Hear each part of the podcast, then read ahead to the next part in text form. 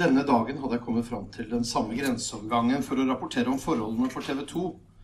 Verden var i ferd med å forstå at forholdene var katastrofale for flyktningene sør i Europa, og journalister strømmet til fra en rekke land for å rapportere fra situasjonen.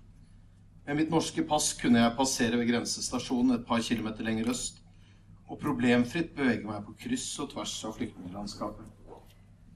På makedonsk side var hæravdelinger i ferd med å bygge opp en leir for soldatene som skulle vokte grensen. På den greske siden hopet det seg opp med flyktninger. Det var allerede tusenvis av mennesker der, og nye grupper ankom ustanselig. Det kunne ikke gå bra. Den lille familien fra Syria gikk langs skinnegangen der journalistkorps hadde tatt oppstilling. Med sin iboende frykt for at det kunne oppstå problemer for familien hjemme i Syria hvis han skulle bli gjenkjent, løftet masen hånden opp foran ansiktet nærmest som en refleks. Andre syrere lot seg ville vekk intervjue om flukten. I noen få kaotiske minutter krysset våre veier seg. Doa og Masen bet seg merke meg der jeg sto midt i menneskehavet og rapporterte direkte til TV-serie hjemme i Norge.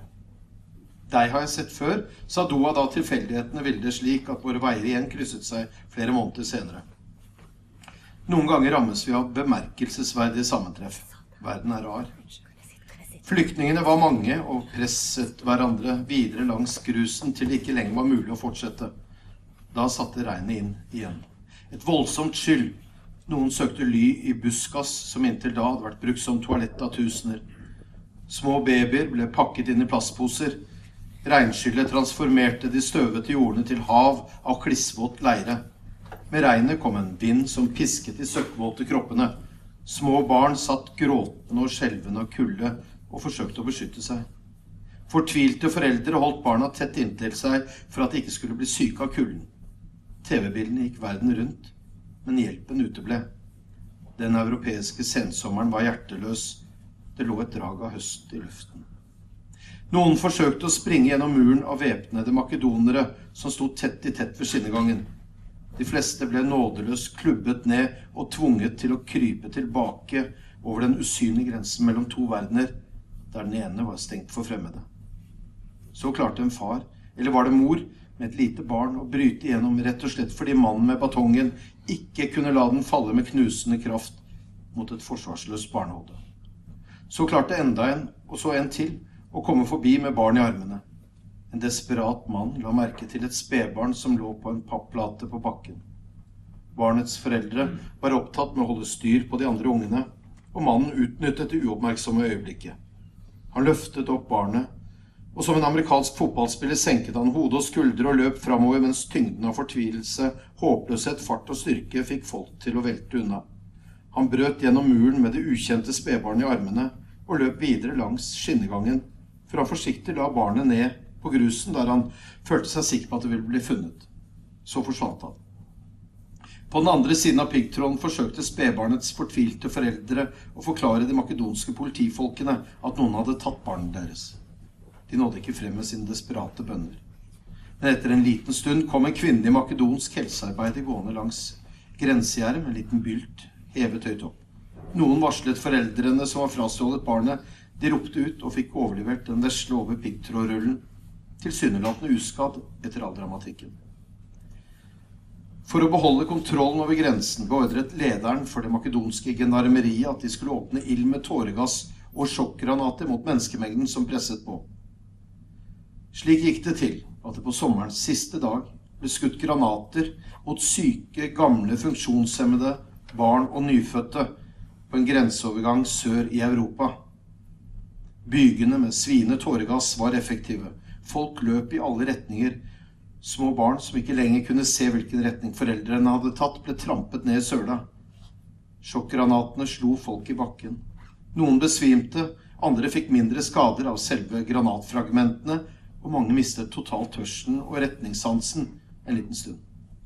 Det så ut som om makedonerne var villige til å massakrere hjelpeløse sivile. Bildene slo umiddelbart hardt tilbake på makedonske myndigheter, men ble snart glemt i det enorme havet av opprørende historier. Hva har jeg gjort? Jeg har ødelagt alt sammen. Alt jeg har bygd opp. Karrieren min. Alt sammen. Hva kommer til å skje med barna, med Doa og med meg? Masens tanker var nattsvarte der han og ektefellen sto og forsøkte å beskytte ungene mot regnet. Alt de ville, var å komme så langt vekk fra krigen i Syria som mulig. Men mellom dem og friheten sto en hær av soldater og politifolk som brukte makt mot barn. Jana og Mofid gråt. De var redde og kalde. Det kjentes som en evighet siden de fikk hver sin iskrem i en tyrkisk badeby. Nå ville de bare vekk.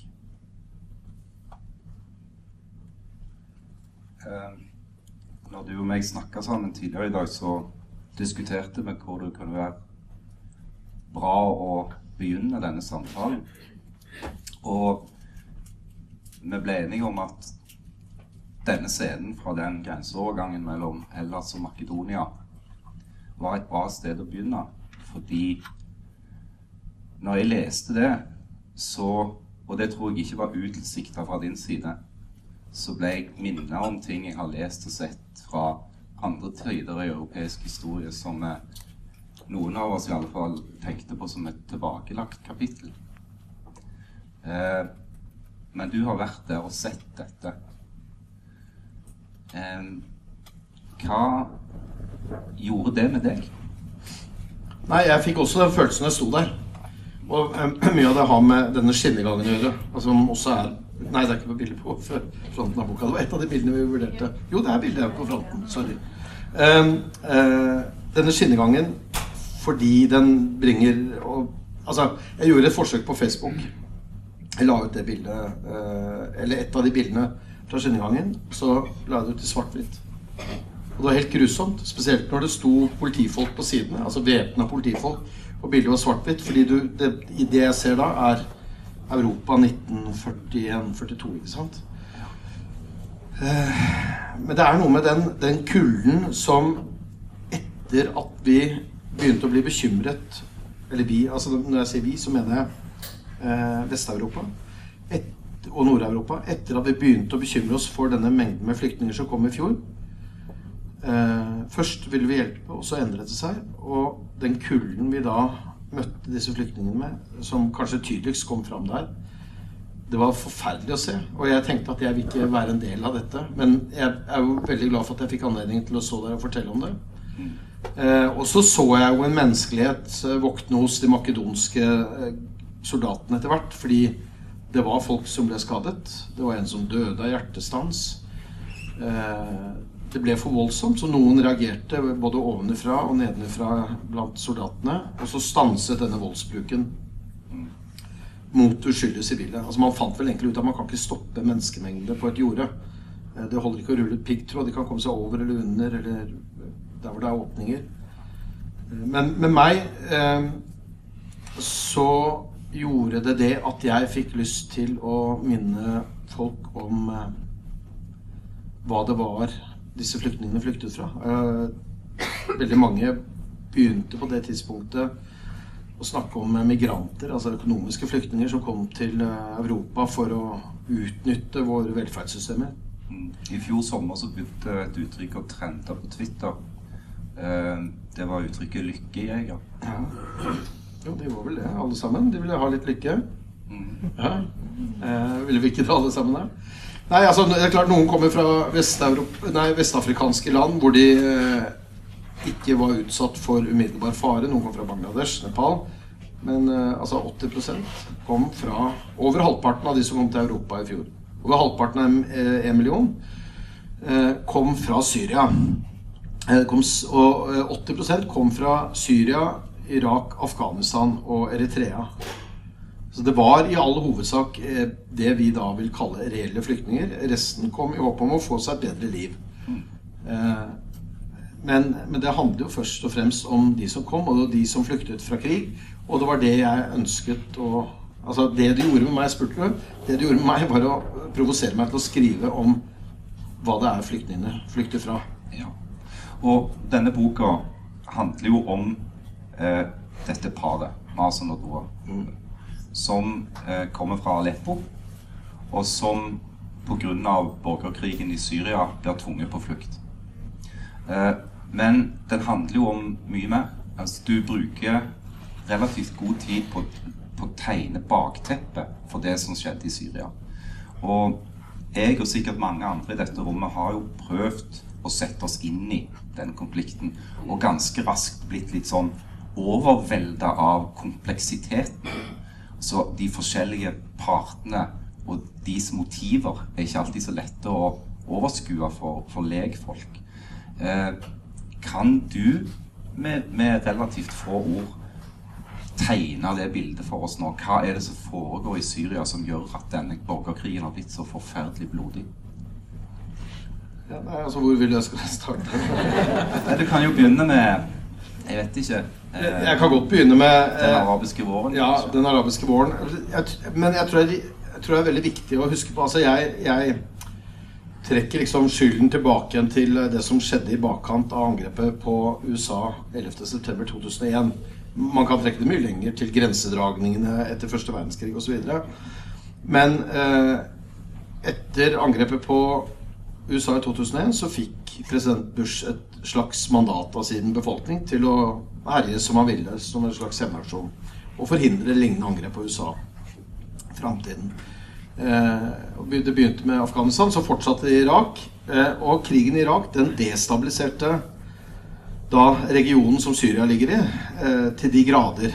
IS, som vi kjenner i dag, er jo opprinnelig motstandsgruppe mot amerikansk okkupasjon av Irak, dannet i 2003. IS hadde ikke eksistert uten, eh, uten den amerikanske okkupasjonen. Eh, Assad hadde klart å holde styr på landet sitt. Sannsynligvis hadde det ikke vært for den amerikanske okkupasjonen av Irak i mange år. Så kommer den arabiske våren, hvor eh, regimer begynner å velte. I mars 2011 så går det riktig så hardt for seg i eh, Libya. Norge og en rekke andre land begynner å bombe Libya. Vi begynte, Norske fly var på vingene over Libya mandag eh, og begynte å bombe for å beskytte sivilbefolkningen mot Gaddafis styrker. Og da er det viktig å huske at bare fire dager senere Det hadde vært noen demonstrasjoner i Syria opp til det punktet, men i Syria var folk veldig skeptiske. De var redd for at Og de hadde jo lagt merke til at demonstrasjonene ble slått ned med ekstrem brutalitet av regimet. Men så så de denne mandagen da Norge begynte å bombe, så så de at Nato gikk på vingene for å beskytte sivilbefolkningen i Libya. Og det forsto de jo, tolket de dit hen at det ville jo skje selvfølgelig med, med de også. Eh, det er jo ingen grunn til å tro at libyere skulle være mer verdt enn syrere.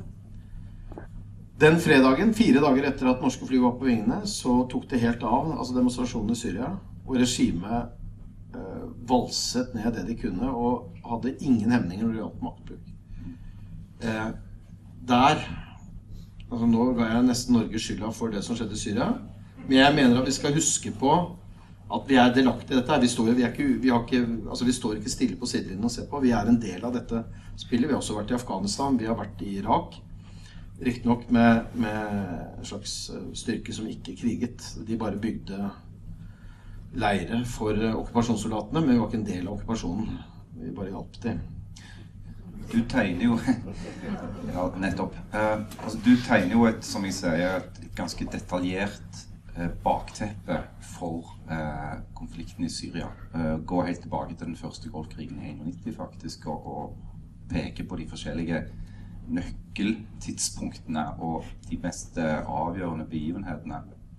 Og du sier, i, likhet med mange andre, at uh, den amerikanske invasjonen av Irak skapte IS. Det er jo noe som faktisk òg Barack Obama sjøl har, har uh, medgitt. At de har nok, bærer nok et medansvar for at dette skjedde.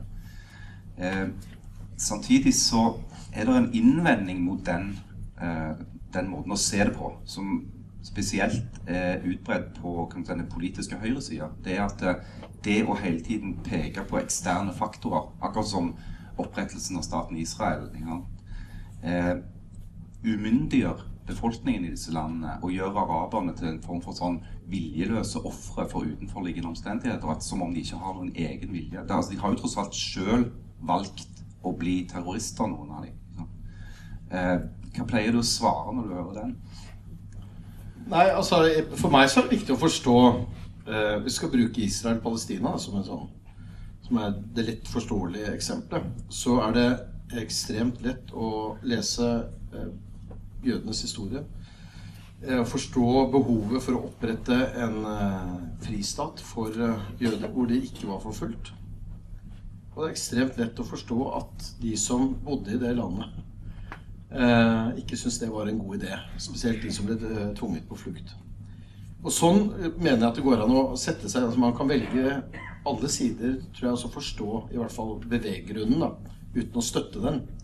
Eh, når det gjelder IS, så sliter jeg litt. Altså, der det startet, skjønner jeg det, men jeg klarer ikke å Altså, for meg så er det jo bare en slags sånn voldsorgie de utdriver. Det er bedriver. Det, Jeg, jeg, ser ikke noe behov for det. Hva var det egentlig du spurte om? jeg spurte egentlig om det å hele tiden peke på utenliggende fakta ja. er noe som umyndiggjør befolkningen. Ja, jeg, altså, jeg, men jeg mener vi kan jo ikke la være å peke på det. Altså, når, når, eh, sånn som altså, I Syria så startet demonstrasjonene. De var forsiktige. Men de tok av først da, den fredagen da de så at Nato bombet uh, Gaddafis regime for å beskytte sivilbefolkningen. Hvorfor skulle ikke syrerne tro at det samme skjedde, skjedde i deres land?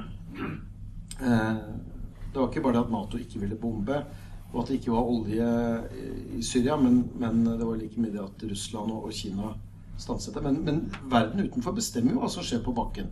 Spesielt i Midtøsten, hvor mange har spesielle interesser. Det er olje for Vesten. Eh, og for Russland så har det vært den ene foten de har i regionen, og det er da den ene basen de har, den ene middelhavsbasen de har, som ligger da i Syria. Et stort ønske om å beholde kontroll. Eh, og beholde Assad fra syrisk side. Nå er vel Vesten sånn at vi vil eh, beholde Assad også. Vi slåss jo tross alt nå altså Norge deltar med soldater i krigen mot IS sammen med Bashar al-Assad. Den så dere ikke komme for tre år siden, men, eh, men den kom altså. Var det ikke Nixon som sa det at 'he may be a bastard, but he's our bastard'? jo, men det, sånn er det jo, ikke sant? Eh, det å kvitte seg med diktatorer, det er eh, høres ut som et, eh, en edel, edel, greie å gjøre. Men, men, det får jo konsekvenser. Ofte er jo de limet i Altså de som klarer å holde spesielt i de, disse landene, som har forskjellige befolkningsgrupper, som under andre omstendigheter ikke trives spesielt godt sammen. Og så er det vel sånn at, at lærdommene, i den grad noen har klart å lære av, av Irak og, og, og, Libya, at uh, den type regimeskifte ved hjelp av militær intervensjon ikke nødvendigvis var så um, ga de ønskede resultatene? Nei, jeg er sikker på at verden hadde vært et uh, tryggere og bedre sted uh, med Gaddafi og Saddam Hussein. Merkelig nok, ikke sant? Uh, og det er også sånn at i Irak Irak har vært mye Jeg var der, kom hjem i går, da. Jeg har vært der mye gjennom årene. Uh, og Irak var et tryggere land for irakere flest under Saddam Hussein. Det var riktignok sånn at man ikke kunne si og mene det man ville. I hvert fall ikke mene det høyt. Uh, men folk hadde sikkerhet. Og det er litt sånn vestlig tankegang at, at man skal sette sånn de store fanene som free speech, eller altså ytringsfrihet og sånn, høyest av alt. Men det er, det er, selvfølgelig bare tull. Altså, det folk trenger, først og fremst, det er sikkerhet. De trenger mat på bordet. Eh, og disse tingene. Og først da kan vi begynne å flotte oss med alt det andre som er bra. Som vi er stolte av. Men, men når ikke de andre tingene er der, så, så spiller ikke dette med ytringsfrihet veldig stor rolle. Er det et vanskelig synspunkt å framføre? Ja. Fordi folk sier jo umiddelbart altså, du er imot ytringsfrihet. Eh, og det har jeg blitt beskyldt for mange ganger. Det er spesielt har blitt beskyldt for det som journalist når jeg reiser rundt eh, i livsfarlige områder for å fortelle hva som skjer. Men, men eh, jeg er selvfølgelig ikke imot ytringsfrihet. Jeg bare tenker at eh, hvis du har vært i eh, krigssoner og sett hvordan folk har det, så, så, forstår du hvorfor ikke det står øverst på, på den lista over ting de vil ha i orden. Ja, selvfølgelig. Eh, som du sier, så kom du jo nå hjem i, i går fra fronten ved Mosul. Og denne offensiven mot Mosul, som er en by på over en million innbyggere, har jo vært varsla i lang tid. Allikevel er det mange som frykter en ny eh, humanitær katastrofe når kamphandlingene begynner å nærme seg sentrum. Eh, hva tror du vil skje? Ja, At det blir en eh, humanitær katastrofe i løpet av noen dager eller uker. Dager eller uker? Ja, ja. Eh, altså, eh, det de har gjort nå, er jo å lage to Fra vest og sør så har de laget to korridorer. hvor man tenkte at flyktningene skulle få flykte ut. Og så har det laget to trygge korridorer, så man trukket tilbake styrkene og signaliserte til IS at her kan dere på en måte altså sende sivilbefolkningen ut uten at IS og disse kurdiske og irakiske styrkene kommer helt opp til hverandre. Men IS har lukka byen. De har til og med hentet ut sivilbefolkningen som var i de fremre byene og landsbyene, og tatt de tilbake. Jeg traff en del av de. 6000 hadde klart å komme seg ut. Det er 1,2 millioner og de kom ikke engang fra Mosul, de kom fra landsbyene rundt. Det er 1,2 millioner sivile i Mosul i dag. Eh, og så å si ingen har klart å komme seg ut de siste to ukene. Eh, og angrepet vil jo fortsette. Det vil gjøre det svært vanskelig.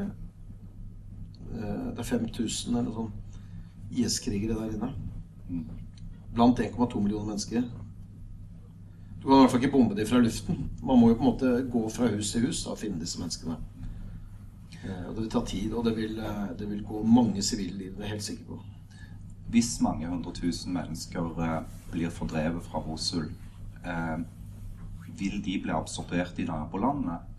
Eller vil dette forplante seg til Europa, tror du? Jeg så Erna Solberg sa det. Jeg tror ikke at hun trodde at det ville bety en flyktningstrøm til Europa. Det tror ikke jeg så mye på. Fordi man har laget et system Altså alle har forberedt seg på dette i to år. IS har forberedt seg på dette slaget i to år. De har barrikadert byen, nærmest.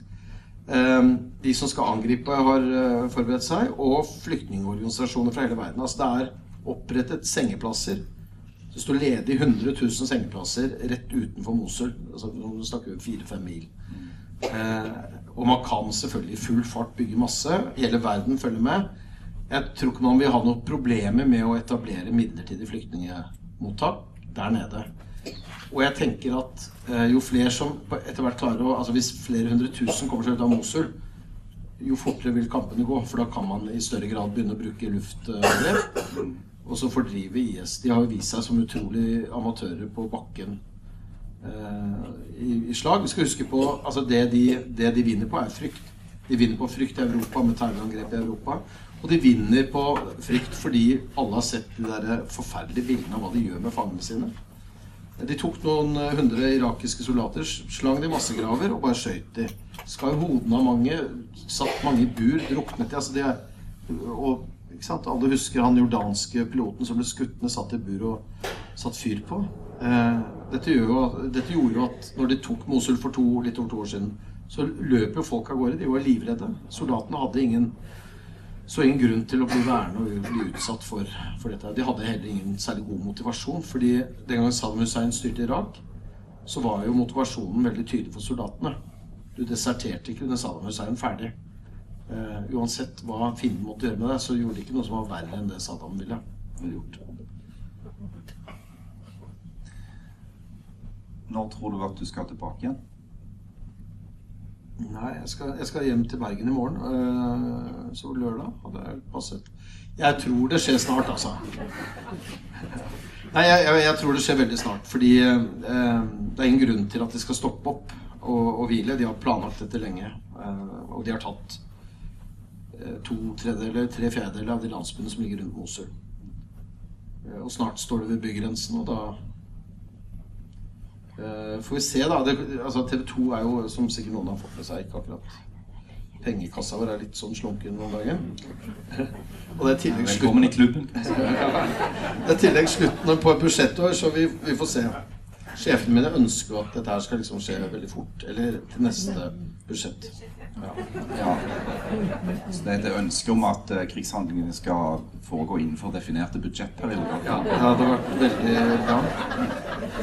Det er jo et uh, forståelig ønske. Um, men når du, du har jo gjort dette lenge nå, uh, så det ble jo selvfølgelig meningsløst å, å, Nesten meningsløst å snakke om det, men det virker jo nesten som du gleder deg til å dra ned igjen. Ja. ja. Mange vil Nei, jeg, jeg gleder meg. Altså, seg litt. Ja, jeg gruer Nei, jeg gjør ikke det. Men jeg, jeg det, er, det er et par ting da. Men jeg, jeg, elsker jo å være ute der det skjer. Det er jo liksom det som er greia. Ellers hadde jeg ikke gjort det. Uh, uh, så det er vel ikke å glede seg. Det er vel mer å liksom se fram til å få være der. Og håpe at det er jeg som blir sendt. Um, og så er det en krig som det er veldig, altså Noen ganger så har man kriger hvor fronten er liksom ett sted. Og så kan du, ta, kan du kjøre en time tilbake til hotellet i Erbil og røyke vannpipe og drikke te om kvelden uten at det er fare for noen verdens ting. Altså. Eh, det er et par væpna vakter utenfor hotellet fordi det har vært noen terrorangrep der, men det, men det føles veldig trygt.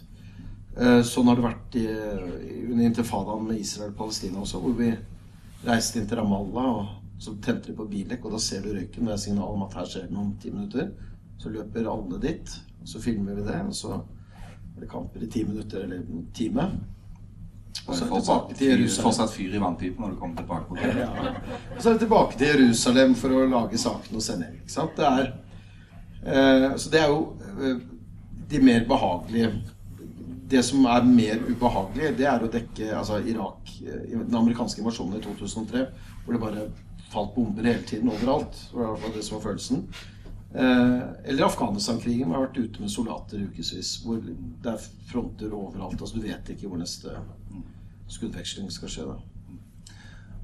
Um, jeg har hatt uh, gleden av å intervjue ganske mange krigs- og konfliktfotografer opp gjennom årene. Og en av de, Christopher Morris, han intervjua jeg faktisk her på huset for noen år siden. Og han spurte jeg om han fortsatt trodde at journalistikken hans kunne endre noe. Om han fortsatt hadde den forestillingen om at det hadde en betydning. Og da tenkte han så lenge at det nesten ble pinlig, og så sa han nei. Jeg tror ikke på det lenger. Men hadde han slutta da, eller?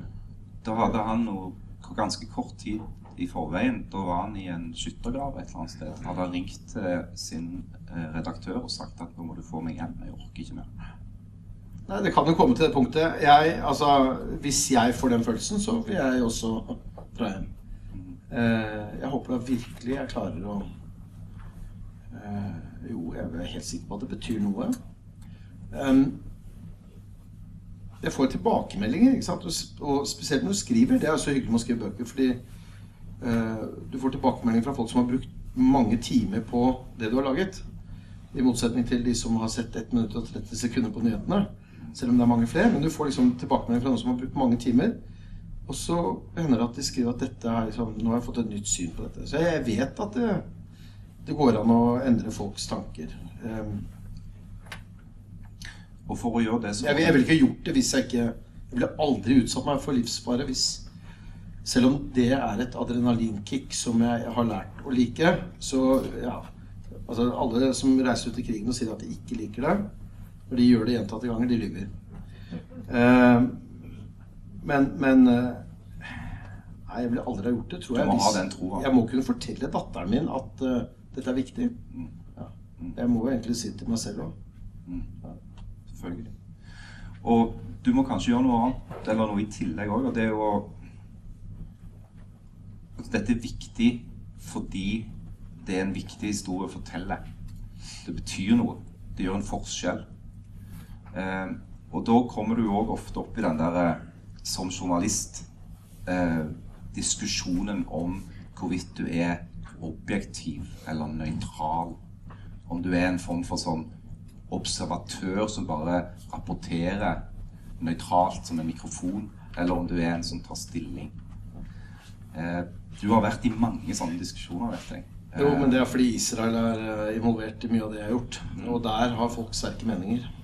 Eh, men det er jo en diskusjon som, som er, egentlig gjelder uavhengig om du dekker Israel-Palestina-konflikten. Det er vel snakk om mer altså, Det er veldig vanskelig, iallfall er min erfaring, dette objektivitetskravet. For hva er det egentlig? Altså, En tar jo valg konstant. Ja. Nei, jeg er, ikke jeg, er jo, jeg er jo et subjektivt menneske. Jeg, altså, hvis ikke så kunne jeg jo heller ikke holdt på med dette her. Det er min oppgave å Jeg tenker at en av journalistenes eh, viktigste oppgaver er å formidle eh, overgrep mot den svake parten. Eh, og, og, det kan være Det kan være f.eks.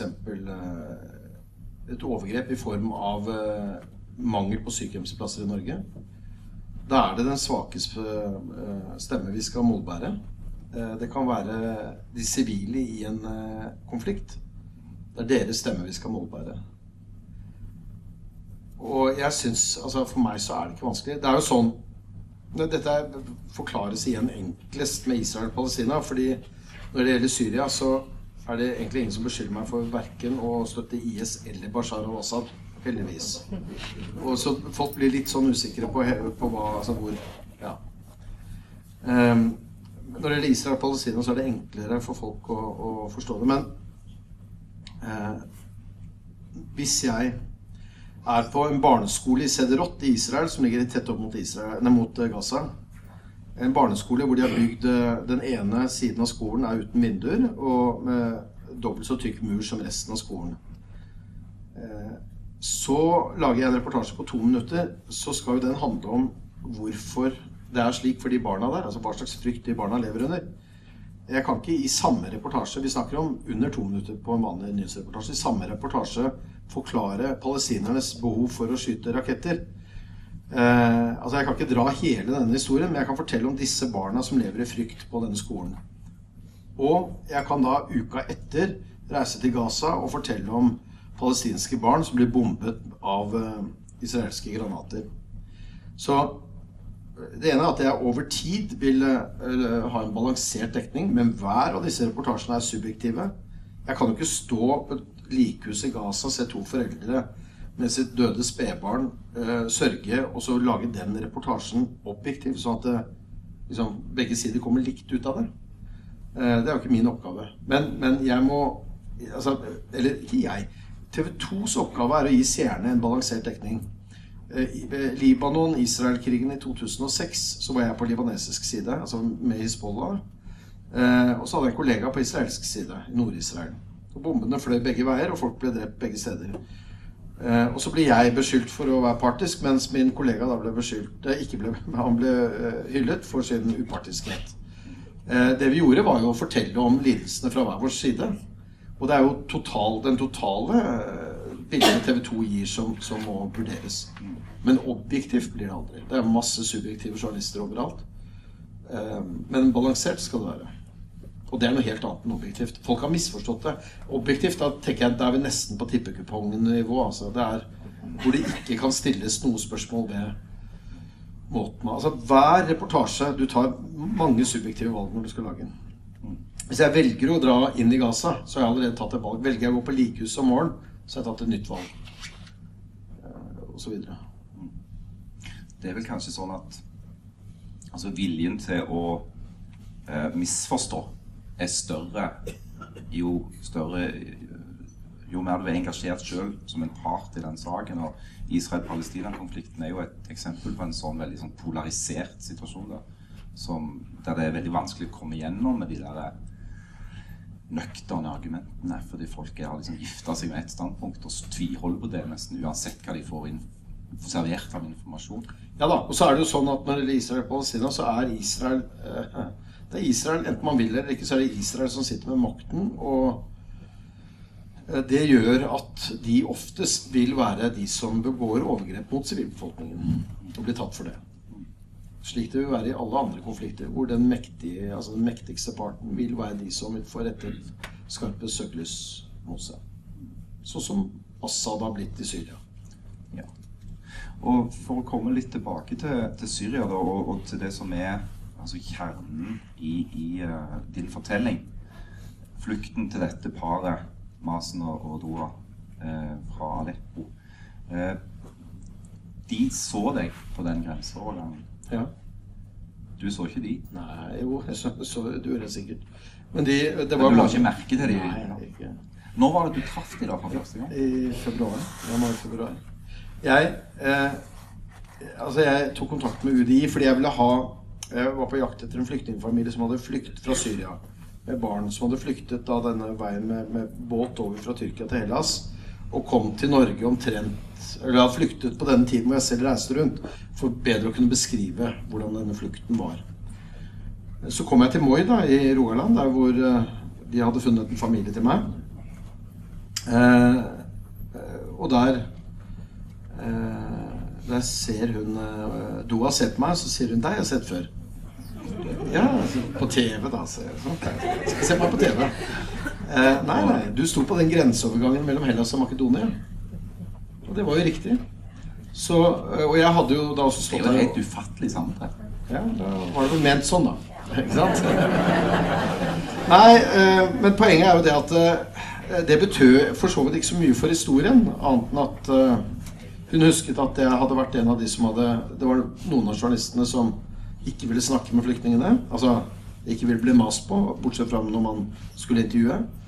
Og så var det noen som forklarte hvor, hvor det var mulig å komme seg gjennom gjerdet. Det er jo journalister som tar liksom aktivt går inn og hjelper flyktningene til Europa. Slags, Derfor var det lettere å huske noen enn andre. ja. Slags eh, journalistiske aktivister. Ja. Nei da, men alle kom over grensen i løpet av de to dagene likevel. Men eh, ja. ja. Det regna, og det var kaldt, og det var det hele tatt. Mm. Uh, når du forklarte uh, de hva du ville at du ville lage en bok Eh, hvordan reagerte de på det? Nei, de visste jo de visste om det på forhånd. De, de, hadde hørt at det kom en for liksom, Jeg måtte gjøre et sånn uh, forsøksintervju med dem og se hvordan dette bar. Eller hvor det bar. Eh, nei, de var interessert i å fortelle sin historie. Uh, og det handler jo også litt om hvem de er. Altså, Masen er jurist. jobbet for regimet. Han var offiser i den syriske hæren. Eh, men de har jo samme system som vi hadde før, i hvert fall hvor alle måtte inn. Eh, og så i egenskap av å være jurist så fikk han en, eh, fikk han en offisersgrad og hadde militærpolitistilling som etterforsker.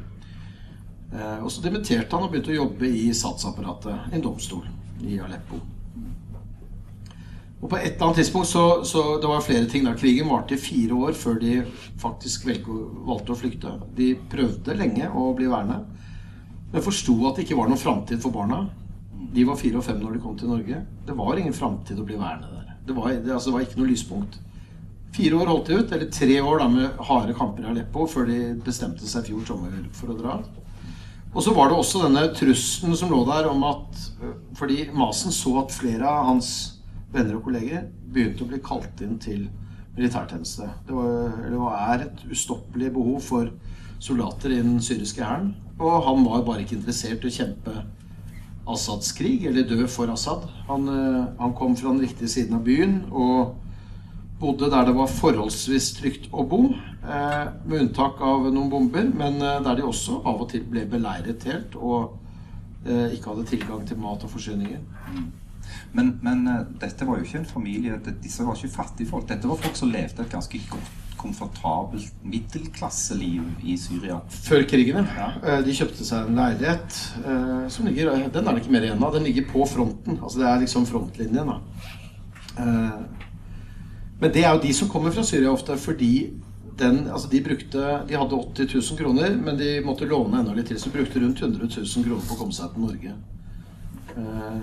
Det er mange som skal betales underveis for å få de over grensene til Østerrike. Derfra var det da liksom greit. Da var det bare å sette seg på toget og kjøpe togbilletter. Men for å komme seg til Wien så måtte de altså de skulle over havet fra eller Havet det er en kort, liten strekning fra Tyrkia til Hellas. Eh, jeg har vært, jeg har vært på Samos i sommer. Det er sikkert noen her som har vært her òg. Så er det jo nesten så du tror du kan svømme over.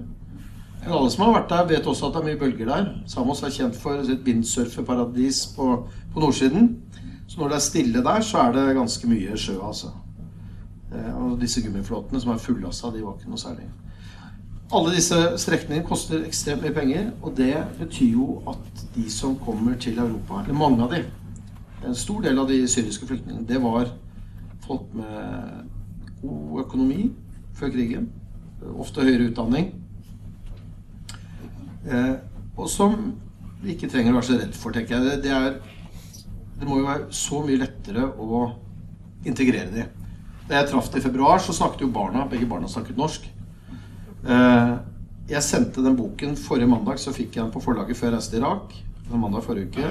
Så sendte jeg boken til Masen, og så fikk jeg melding fire dager etterpå eh, om takk for boken. Han syntes den var veldig interessant. Han leste den.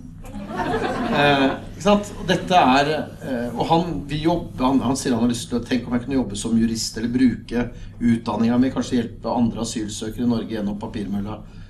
Eh, mange sånne er det som kommer, ikke sant? Ja. Det er, det, er, det, er, det er leger og tannleger og advokater og rørleggere og elektrikere som kravler i land eh, på de greske øyene.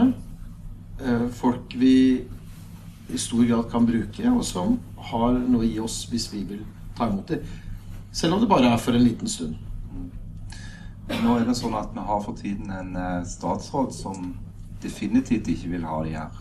Um, du traff henne i et sminkerom på TV 2 for noen dager. Ikke for noen dager siden. Altså, I dag tidlig klokka I dag tidlig? kvart på sju. Hva sa du til uh, Sylvi Listhaug da? Nei, jeg, jeg, jeg har møtt henne før. Men jeg, nei altså, jeg hadde, hadde en bok. Da, så jeg signerte den boka så ga til henne. Det, det, ble anmeldt i Dagbladet i forrige uke, og da sto det 'Denne fine boken', eller disse, det var den og en annen bok. Disse fine bøkene havner nok dessverre aldri på Sylvi Listhaugs nattbord. Det kan jo godt hende at den ligger på Sylvis eh, nattbord i kveld, altså. Um, nei, jeg, tror, du, tror du kom til å lese den? Jeg er helt sikker på at eh, noen eh, rundt henne leseren, og gir en, en liten ja, synopsis. Da, sammendrag. Ja, sammendrag. Jeg håper at hun leser den. Altså, for, for, meg så er det i hvert fall viktig at folk når vi liksom Jeg, jeg sier ikke at vi skal ta imot så og så mange flyktninger, eller hva det måtte være. Og nå er det også litt uinteressant, for i år så kommer det ingen. Og det, vi har jo på en måte klart å sperre disse grensene. Eh, så de mulighetene de har for å komme til Europa, er nå stort sett via Libya, og det er så livsfarlig at eh, det er jo ikke de med penger som kommer lenger. Altså det er jo de eh, De mest desperate? Ja, de mest desperate som velger den fluktruten. Men, men liksom, folk sier at vi skal hjelpe de der de er. Og det høres veldig bra ut. Man kan hjelpe liksom, ti mer enn det man kan gjøre her. Men de er altså i noen land som er helt overfylt med flyktninger. Det er jo ikke plass til dem lenger. Altså Det er fysisk plass til det, men det er jo i Libanon så er det et kjempeproblem. Libanon er på randen av katastrofe hele tiden. Eh, og flyktningene fra Palestina har gjennom årene liksom forrykka den balansen som var der. Og nå er den forrykka enda mer. ikke sant? Hvor mange flyktninger er det i Libanon nå? Nei, sånn, Nei, Fra Syria så er det én million. En million. Ja. Ja. Eh, I Jordan så er det Var det to? Eller en og en halv? Jeg husker ikke. Og i Norge? Nei, kom det ikke 30 000 i fjor, og halvparten er fra Syria. Mm. Og av de er vel halvparten ute allerede? Ja Nei, syrerne får Ikke syrerne, nei, de får lov å Totalen. Nei, jeg har ikke de tallene. Dere kan kjøpe boka og lese det. Jeg har liksom men, Det var, ikke, det var ikke meningen å avhøre deg her. Altså. Nei, men og i Jordan så har man bygd disse store flyktningleirene hvor liksom, hele verden pøser inn penger for å gjøre det de kan for å hjelpe de stakkars syrerne. Det er telt på telt på telt. Millioner av mennesker bor altså i teltleirer og, og brakker. Eh, fortell disse menneskene at uh, dere må være glad for at vi hjelper dere der. Fortell dem at disse fire-fem barna de har, eller to eller én, deres framtid er i et telt. Og om kanskje når denne krigen tar slutt, om tre år eller to år eller hva det måtte være, eh, så kan man begynne å bygge opp landet. Så om 10-15-20 år så vil det være trygt å ta med barna hjem og la dem bo og leve et ordentlig liv der. Ja, ja. Selvfølgelig vil eh, folk som har anledning eh, ta barna Altså Jeg tenker at det er foreldres plikt. Har de mulighet, så skal de selvfølgelig prøve å bringe dem et sted hvor de kan gi dem en god framtid. Mm.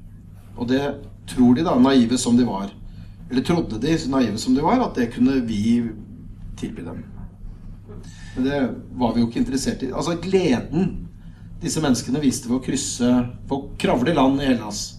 Gleden de viste når de krysset grensen til Ungarn, som er forsida på bildet. Mellom, dette er mellom Serbia og Ungarn. Akkurat Jeg står i, i Ungarn og tar bilde av disse som kommer fra Serbia. Så hver gang de krysset en grense, så var de så lykkelige.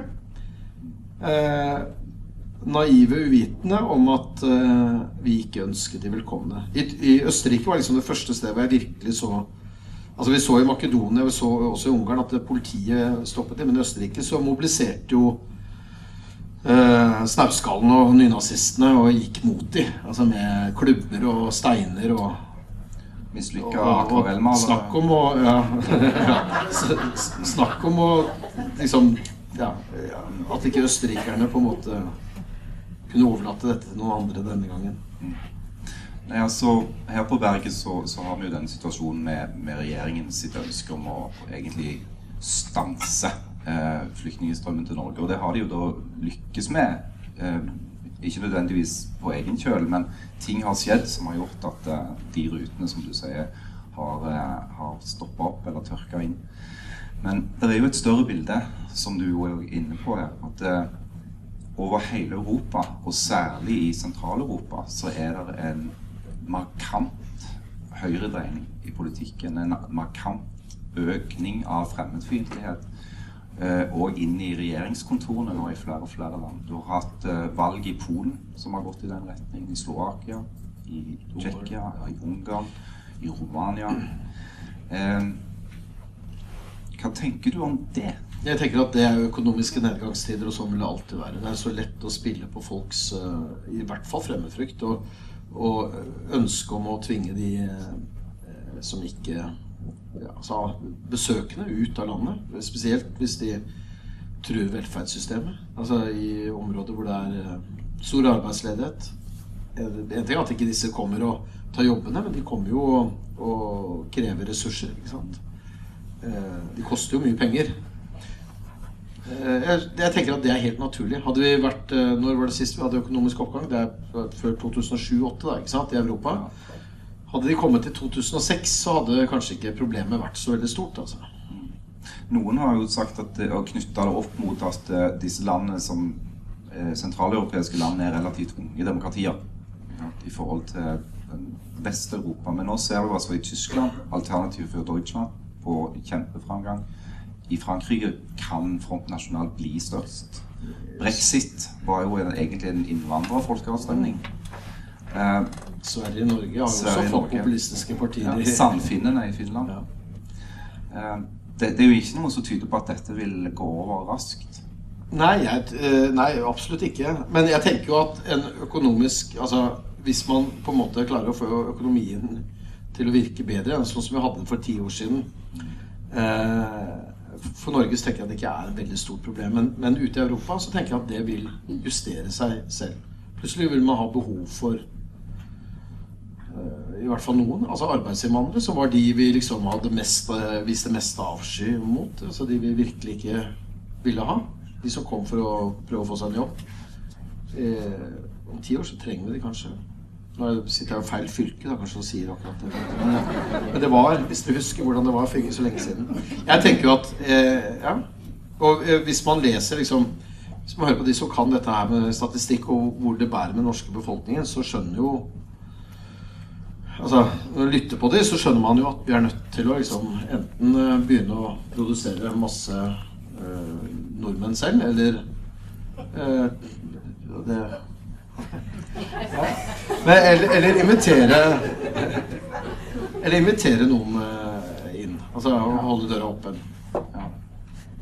Hvorfor ikke Jeg mener nå, og nå kommer til men ja, Nå kommer det folk som kan ha glede av Så er det selvfølgelig sånn at når krigen i Syria en gang er over For alle kriger går, slutter jo, eh, med unntak av Israel-Palestina-krigen. Eh, men Syriakrigen kommer helt sikkert til å ta slutt en dag, og så vil man si at da må de hjem og bygge opp landet sitt. Eh, men først må de bygge hus, og så må de Altså, det tar tid. Eh, og det vil kanskje noen av de gjøre også. Hvor smeller det neste gang? Og, eh, altså utenfor eh, Midtøsten, tenker du? Ja, hva er den neste store konflikten du ser i den regionen du kjenner best? Nei, ja Nei, altså ja, da vil jeg tilbake til Israel-Palestina igjen. Fordi jeg, jeg skjønner ikke at det er mulig å eh, fortsette bygging av bosettinger på Vestbredden uten at den palestinske befolkningen går amok.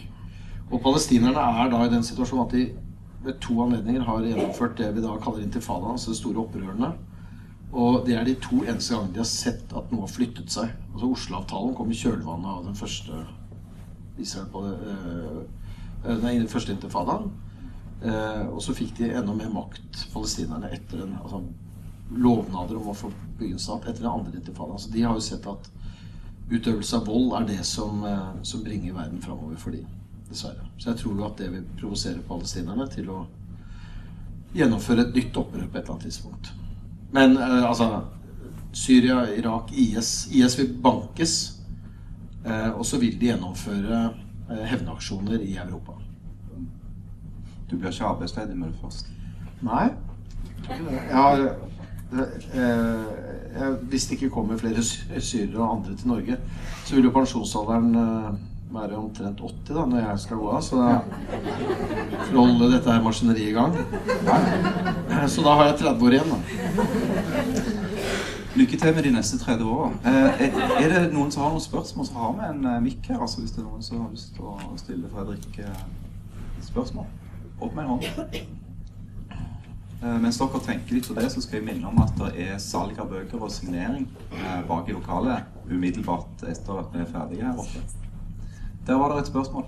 Veldig fint hvis du kan si hvem du er. Ja, uh, Sissel Askeland. Jeg lurer litt på om du har noen tanker rundt den russiske mobiliseringen, og hva det vil føre til? Ja, dere tror at de skal til Syria? Eller skal de kanskje et annet sted? Det kan de. De ligger jo, de ligger jo og venter på Prøver å bunkre bensin et eller annet sted, da. Eh, nei, jeg, jeg tenker at Altså, hvis du tenker på den flåten de har sett, er det det? Eller mobilisering generelt? Ja. Nei, det ser jo ut som den skal til Syria, og kanskje det bidrar til å gjøre krigen i Syria kort, mer kortvarig enn den ellers ville vært. Altså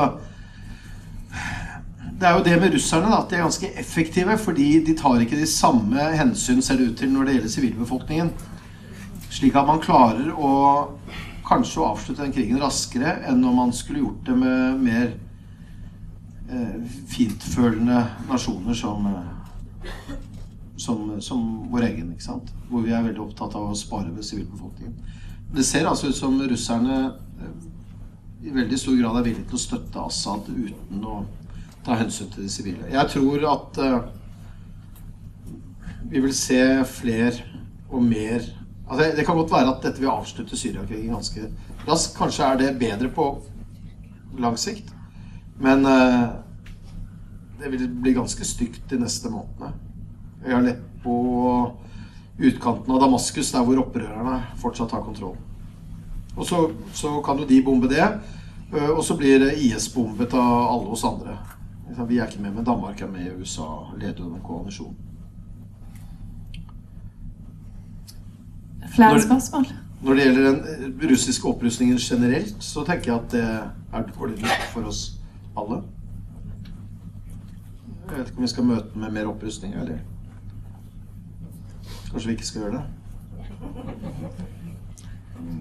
Er det noen flere som har spørsmål, så er det bare å rekke opp ei hånd. Ett spørsmål til, da. Ett til? Kom igjen, dere klarer ett. Et. Jeg fikk fem før i dag. Og da var det to og en halv gang så mange, så da burde vi få et til. Der. Et her.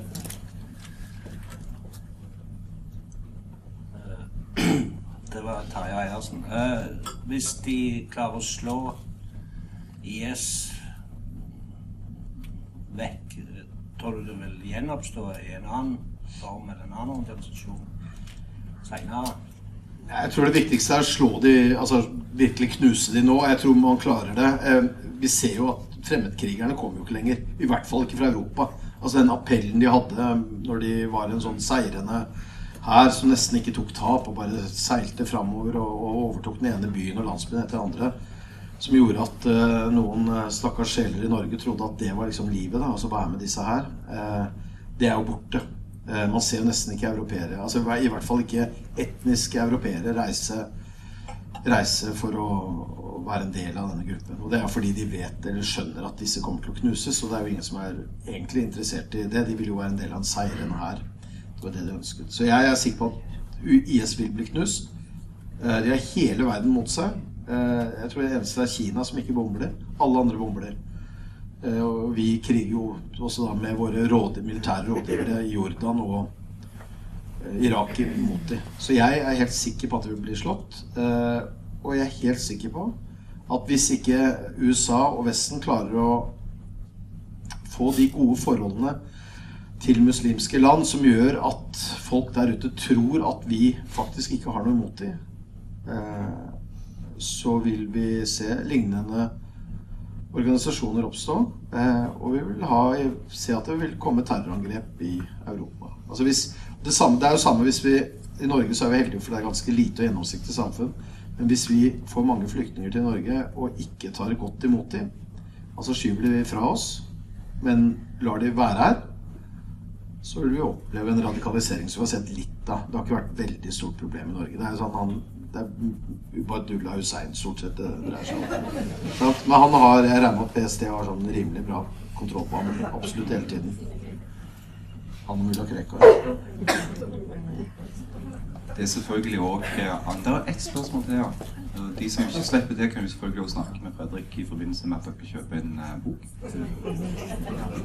Ok, eh, Per Lindberg. Jeg lurte på om eh, IS eventuelt er slått, som du sier. Hva kommer å skje med kurder og Tyrkia og Shia og Sunni i det området? Ja, den som kunne tegne kartet på nytt.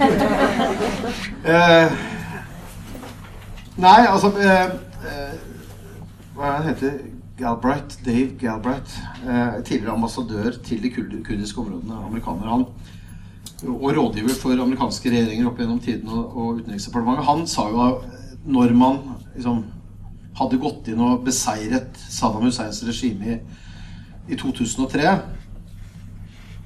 at man umiddelbart måtte dele opp det landet i tre. Altså i en kurdisk eh, stat, som det jo for så vidt delvis er.